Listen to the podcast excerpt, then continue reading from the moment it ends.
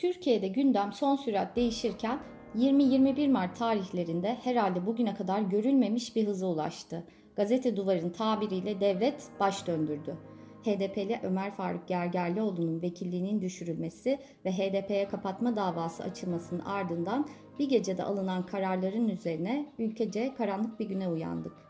Mecliste oturma eylemine başlayan Ömer Faruk Gergerlioğlu'na destek için adalet eylemine başlayan HDP'liler ve aralarında İHAD eş genel başkanı Öztürk Türkdoğan'ın da olduğu hak savunucuları 19 Mart günü sabaha karşı gözaltına alındı. Gözaltına alınanlardan Öztürk Türkdoğan serbest bırakıldı. Yasa dışı örgüt üyeliği suçlaması yöneltildi. Oldukça üzücü. Hiçbir insan hakları savunucusunun yasa dışı örgütlerle işi olmaz. Ömer Faruk Gergerlioğlu ise 21 Mart sabaha karşı Meclis Genel Kurulu'nda abdest alırken banyodan apar topar çıkarılarak gözaltına alındı. Buyurun. Şöyle buyurun efendim. Şöyle buyurun. Şöyle buyurun efendim. Arkadaşlar böyle Böyle terbiyesizlik Öyle almıyoruz. Böyle terbiyesizlik yok. Yine 19 Mart'ta Gezi Parkı mülkiyeti İstanbul Büyükşehir Belediyesi'nden alınarak Sultan Beyazıt Hanı Veli Hazretleri Vakfı'na devredildi. 20 Mart sabaha karşı yayınlanan kararnamelerle Merkez Bankası Naci Ağbal görevden alınarak yerine Bayburt Milletvekili ve Yeni Şafak yazarı Profesör Doktor Şahap Kavcıoğlu atandı. Piyasalar bu atamaya süratle yanıt verdi. Pazartesi sabaha karşı dolar 8.40'ı gördü. Cumhurbaşkanı Recep Tayyip Erdoğan imzalı atama kararı resmi gazetede yayımlandı. Buna göre Ağbal görevden alındı. Ardından Cumhurbaşkanı kararnamesiyle kadına karşı şiddeti önleyen Türkiye'nin de ilk imzacısı olduğu İstanbul Sözleşmesi feshedildi. Kadın örgütleri Türkiye'nin çeşitli yerlerinde protestolar düzenledi. Canımın bir değeri yokmuş gibi hissettim. Bir gün biri öldürürse yanına kalacakmış gibi hissettim. Bir vatandaş olarak artık hani hayatımızın kıymeti olmadığının altına atılmış bir imzadır bu. Peki tüm bu ani gelişmeler ne anlama geliyor? Türkiye nereye gidiyor? CHP İstanbul Milletvekili Sera Kadigil'e, gazeteci Murat Sabuncu'ya ve ekonomi yazarı Bahadır Özgür'e sorduk. Bağımsız, objektif, kaliteli haber. Kısa Dalga Medya. Bir sabah milyonlarca kadın haklarını koruyan ve kendilerine güvence veren en önemli yasal dayanaklarından birini İstanbul Sözleşmesi'ni kaybettikleri haberine uyandılar. Çoğu bu haberin doğru olduğuna inanmak istemedi. Onlardan biri de CHP İstanbul Milletvekili Sera Kadıgil'di. Sabah bir uyandım telefonda böyle 38 cevapsız arama, yüzlerce mesaj, birine bir şey oldu diye elime aldım. Danışmanlara baktım hiç ve İslam Sözlüğü'nden çıktık vekilim diye mesajlar gördüm. Bunu duyduğumda açıkçası inanmadım. Ne yalan söyleyeyim inanmadım gerçekten. Sera Kadıgil yılda en az 300 kadının erkekler tarafından öldürüldüğü, kadın cinayetlerinin her yıl arttığı bir ülkede hükümetin böyle bir hamleye cesaret edebilmesine öfkeli. Kim oluyorsunuz bu ülkenin meclisinin kabul ettiği oy birliğiyle bir metinden bir gece yarısı nasıl çıkıyorsunuz? Ülkenizde bir günde üç kadın öldürülürken siz ne akla hizmet böyle bir adım atabiliyorsunuz? İşin siyasi boyutu bir tarafa, taraf olunan uluslararası bir sözleşmeden Cumhurbaşkanı kararıyla çıkılması hukuki olarak da ciddi soru işaretleri doğuruyor. Desinler ki bir sözleşmeyi bu toplumun baraj engeline takılmayan tüm kesimlerini %97'sini diyelim temsil eden bir meclis onaylıyor. Daha sonra aynı toplumun sadece %52'sinin seçtiği bir kişi bir imzayla bundan çıkabileceğini iddia ediyor. Da anayasaya aykırı ve böyle bir fesih yetkisi yok Cumhurbaşkanı tek, tek başına. Hukuken İstanbul Sözleşmesi feshedilmiş değildir. Çünkü Cumhurbaşkanlığının yaptığı işlem anayasaya ve hukuka aykırı bir işlem olduğu için yok hükmündedir. İstanbul Sözleşmesi gerek Türkiye'nin ilk imzacısı olması vesilesiyle gerekse baskı altındaki kadın haklarına bir çıkış sağlaması vesilesiyle önemli bir referans, bir semboldü. Bir gecede ansızın bu sözleşmeden çıkılması ertesi gün ülkenin dört bir yanında kadınlar tarafından protesto edildi. Sadece bize karşı, hayatımıza karşı şiddeti önlemeye yönelik bir yasa tasarısı bu yani. Bu benim için güvence demek. Bu benim için sokakta yürürken korkmamak demek. Ya da biri beni tehdit ettiği zaman hani bunun etkisi altında kalmamak demek, güvende hissetmek demek. Ama ne yazık ki ne polis ne devlet kadınları bu konuda koruma konusunda niyetli ve yeterli değil. Gazeteci Murat Sabuncu ise İstanbul Sözleşmesi'ne dair ana muhalefetin attığı adımları yetersiz bulduğunu söylüyor. Mesela en son İstanbul Sözleşmesi ile ilgili sözleşme yürürlükte, işte sözleşme Cumhurbaşkanlığı kararnamesi kararıyla yürürlükten kaldırılamaz. Tamam bunların hepsi doğru. Ama karşı karşıya kalmamız zaten hukuk değil ki. İstanbul Sözleşmesi edildiği gün işte CHP olağanüstü toplantı diye flaşlar geçti. E ben dedim ki herhalde çok önemli bir karar çıkacak. 4 saat sonra bir cevap geldi. İşte CHP Danıştay'a başvuracak. Artık ben buna gülüyorum biliyor musunuz? Yani iyi Danıştay'a başvuracaksınız da ne olacak ki? Yani bu mudur artık? Çünkü hukuk yani Danıştay'ın en son aldığı Ayasofya kararı, e, katılırsınız katılmazsınız andımızla ilgili karar ya da Yargıtay'ın aldığı kararlar. Bunlar artık bağımsız karar olmadığını herkes biliyor. Hukuk olmadığı için zaten Türkiye'de bu kadar rahat karar alınıyor. Yani şu çok açık ve net. Bütün adımlarında e, hukukun e, birkaç tane kalmış e, işte e, dürüst, e, bağımsız savcıyı, e, yargıcı bir taraf bir kenara koyarak söylüyorum. Yani hukukun her aşaması günlük, e, anlık e, siyasal ihtiyaçlara göre şekillendiriliyor. Oku, dinle, izle. Kısa Dalga. Yargıtay Cumhuriyet Başsavcılığı tarafından temelli kapatılması istemiyle, HDP'nin temelli kapatılması istemiyle hazırlanan 604... Yargıtay Cumhuriyet Başsavcısı Bekir Şahin, 17 Mart'ta HDP'nin tamamen kapatılması istemiyle Anayasa Mahkemesi'nde dava açtı. Başsavcı Şahin, PKK terör örgütü ve bağlı örgütlerle birlikte hareket ettikleri anlaşıldığından kapatılması talep edilmiştir açıklaması yaptı. 609 sayfalık iddianamede 687 HDP'li için siyasi yasak getirilmesi ve HDP'nin mal varlığına tedbir konulması da talep edildi. Bugün burada bize bu baskıları uygulayanlar bilsinler ki HDP çoğalarak gidiyor. HDP yürüyüşüne büyüyerek devam ediyor. Siz bizi bitirmeye çalışıyorsunuz ama biz bu ülkeyi yönet, yönetmeye geliyoruz. Bu ülkeyi. HDP milletvekili Ömer Faruk Gergerlioğlu'nun vekilliğini düşürülerek cezaevine gönderilmesinin yolun açılması ve aynı gün HDP'nin kapatılması davasının açılması ile ilgili belki de en değerli sözler felsefeci, barış akademisyeni ve hak savunucusu Profesör Doktor Nilgün Toker'den geldi. Toker, İrfan Aktan'a verdiği söyleşte şunları söyledi. Gergerlioğlu'nun fiziki olarak meclisten çıkarılması çabası toplumun bir kesiminin fikir ve taleplerinin meclis dışında bırakılma çabası olarak görülmeli. HDP'nin kapatılma girişimi ise yalnızca etnik bir kesimin dışlanması değil, bu partiyle temsil edilen siyasal, sosyal ve ekonomik taleplerin yok sayılması demek. Nilgün Toker sözlerine şöyle devam etti. Bu kadar şiddet aynı zamanda hem kapanmayı hem öfkeyi doğurur. Ama HDP seçmeni öfkesini siyasal yollardan ifade etmeyi öğrendi. Yoksa gerçekten bir şansımız kalmaz.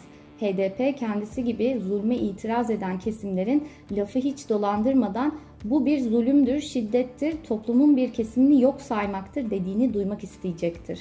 Bildiğim kadarıyla Deva Partisi güçlü, CHP ise çekinik bir dille bunu yaptı. CHP'nin bunu yapmasını bile bir kazanç olarak görmek lazım. 15 yıl önce bu tepkiyi bile vermezdi. Onların da bir şeyler öğrenmiş olduğunu umuyorum.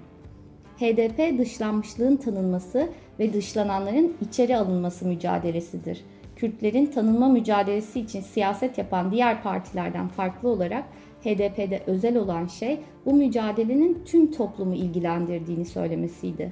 HDP'liler bir yerde adaletsizliğin olması her yerde adaletsizliğin yaşanmasını mümkün kılıyor dedi. Müşterek bir demokrasi mücadelesi verildiğinde hem Kürtlerin tanınma mücadelesinin karşılık bulacağına hem de demokratik bir toplumsallık inşa edileceğine inandı. HDP'yi Kürtlerin solcularla ittifakı olarak görenler haksızlık etmiş olurlar. Demirtaş, bizim meselemizin çözülmesi Türkiye'deki adaletsizlik meselesinin çözülmesiyle aynı şeydir dedi. HDP, Kürtlerin de Türkiye'de adaletsizlikle yaşayan başka kesimler olduğunu fark etmeyi ve kabullenmeyi öğrendiği bir sürecin sonunda kuruldu. HDP'ye bu kadar öfke duymalarının sebebi tam da toplumsal müştereklik arzusu ve iddiası taşıyor olmasıdır. Türkiye'nin toplumsal döngüselliğe mahkum edildiğini söyleyen Toker, öte yandan döngünün tek başına kırılmayacağını, zulmün kendiliğinden bitmeyeceğini savunuyor.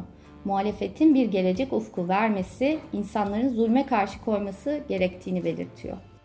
Murat Sabuncu'ya göre ise zaten bir şeyler değişmeye, bu döngüye insanlar itiraz etmeye başladığı için hükümet aynı anda tüm düğmelere basıyor. Her geçen gün daha fazla insan demokrasi e, ittifakı yolunda yan yana gelmeye başladı. Dolayısıyla e, iktidarın belki de biraz da aynı anda bütün düğmelere basmasının sebebi hem kendi kitlesini konsolide etmek, onları kaçırmamak ama bir taraftan da insanların her geçen gün e, bu itirazını yükselt, demokratik itirazlarını yükselttiği noktada işte Boğaziçi Üniversitesi'nden kadınların meydanlarındaki itirazına kadar bu e, noktada bu kesimlerin e, itiraz eden kesimlerin belki de biraz korkutmak, biraz susturmak. Ama ben şunu görüyorum, bir değişim istiyor insanlar. Gençler, kadınlar, e, yereldeki insanlar, eskiden başkasına yapılan hukuksuzluğa kafasını çeviren insanlar aslında hukuksuzluğun er ya da geç kendini bulacağını ya da oluşturan hukuksuz ortamın ülkenin ekonomisinden e, tırnak içinde mutluluğuna kadar her alanı olumsuz yönde, negatif yönde domine edeceğini de görüyorlar diye düşünüyorum.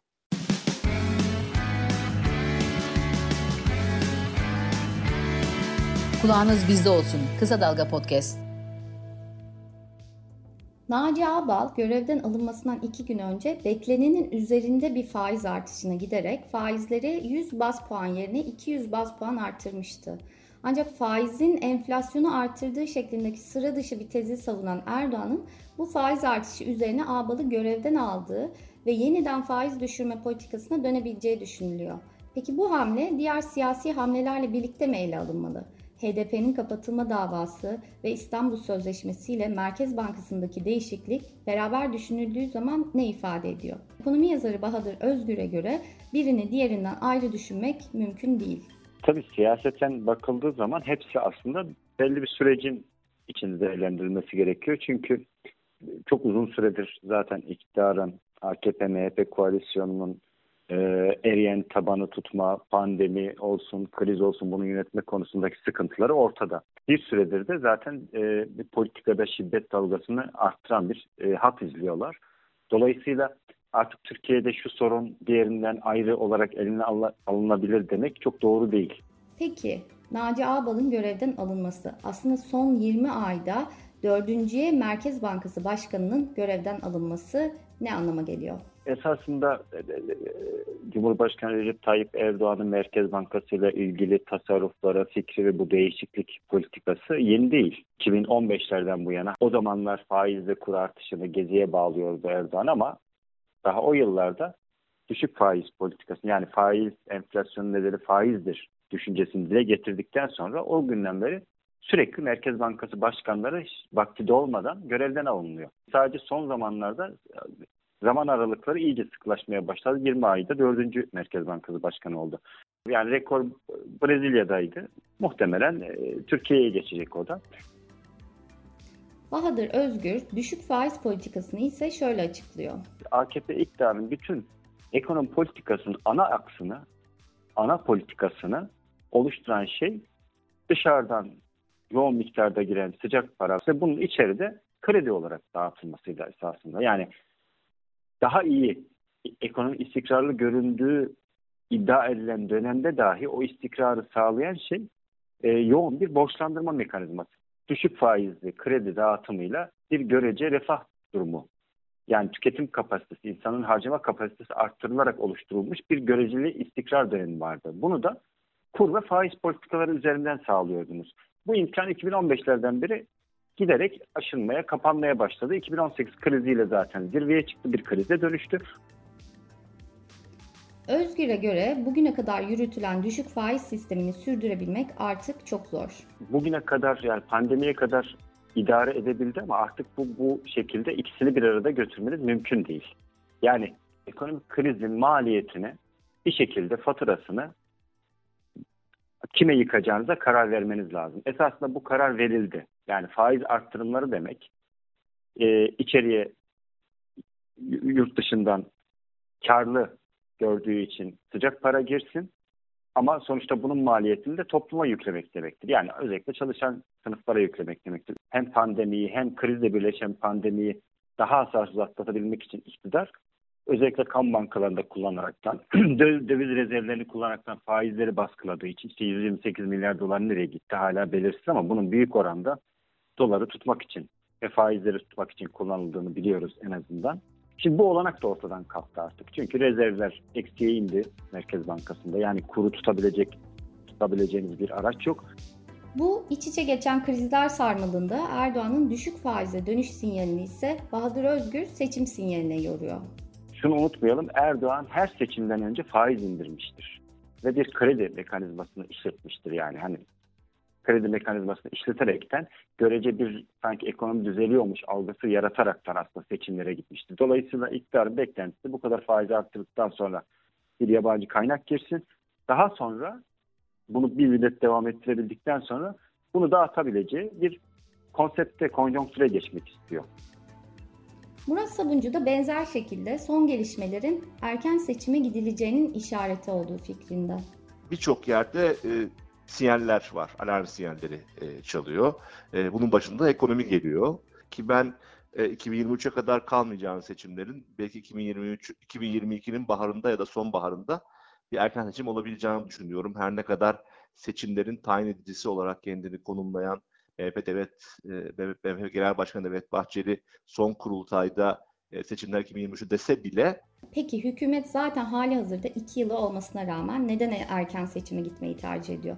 Yani zaten kazanılmış bir 5 yılı varken bunu neden doldurmuyor? Sebebini Sabuncu'dan dinleyelim. Hikayesi biten iktidarlar e, niye son zamana kadar gitmezler? Çünkü bu, bu bir siyasi mühendislik hesabına dönüşmüş durumda şu anda. Türkiye'de şu andaki iktidarın bu yaptığı e, düzenlemeler ve değişikliklerle beraber 2023 artı 5 yıl mı yoksa 2023'e doğru adım adım oylarımız eriyor. Hemen hemen imkansız hale geldi bizim MHP ile ikimizin. Oradan bir sene kaybederiz. Zaten o 4 senede yeni bir şey yaparız diye. Yani iktidarın ana amacı iktidarda kalmak haline gelmiş ise ki şu anda benim gördüğüm AKP için, Tayyip Erdoğan için nokta bu. Ana amaç iktidarda kalmak. O zaman görev süresini beklemezsiniz. Kendi masanızdaki anketler veya e, konjonktüre göre tecrübenize bakarak karar verirsiniz. Türkiye nereye gidiyor? Bir günü diğerine benzemez, derdi bitmez. Bu ülkenin nereye gittiğini, nereye savrulduğunu öngörmek zor. Bir şeylerin rayına oturmadığı muhakkak. Ama her zamanki gibi siyaset bir yana, toplum başka bir yana savruluyor. Partiler kapatılırken insanlar ses çıkarıyor. Sözleşmeler feshedilirken kalabalıklar sokağa iniyor. Umulmadık mahallelerden itirazlar yükseliyor. Bir yerlerde bir şeyler hesaplanamazlığıyla az da olsa umut veriyor. Kısa Dalga Podcast, Kısa Dalga Haber sitesine dönüşüyor. Artık podcastlerin yanı sıra video, haber ve araştırma dosyalarıyla yayında olacağız.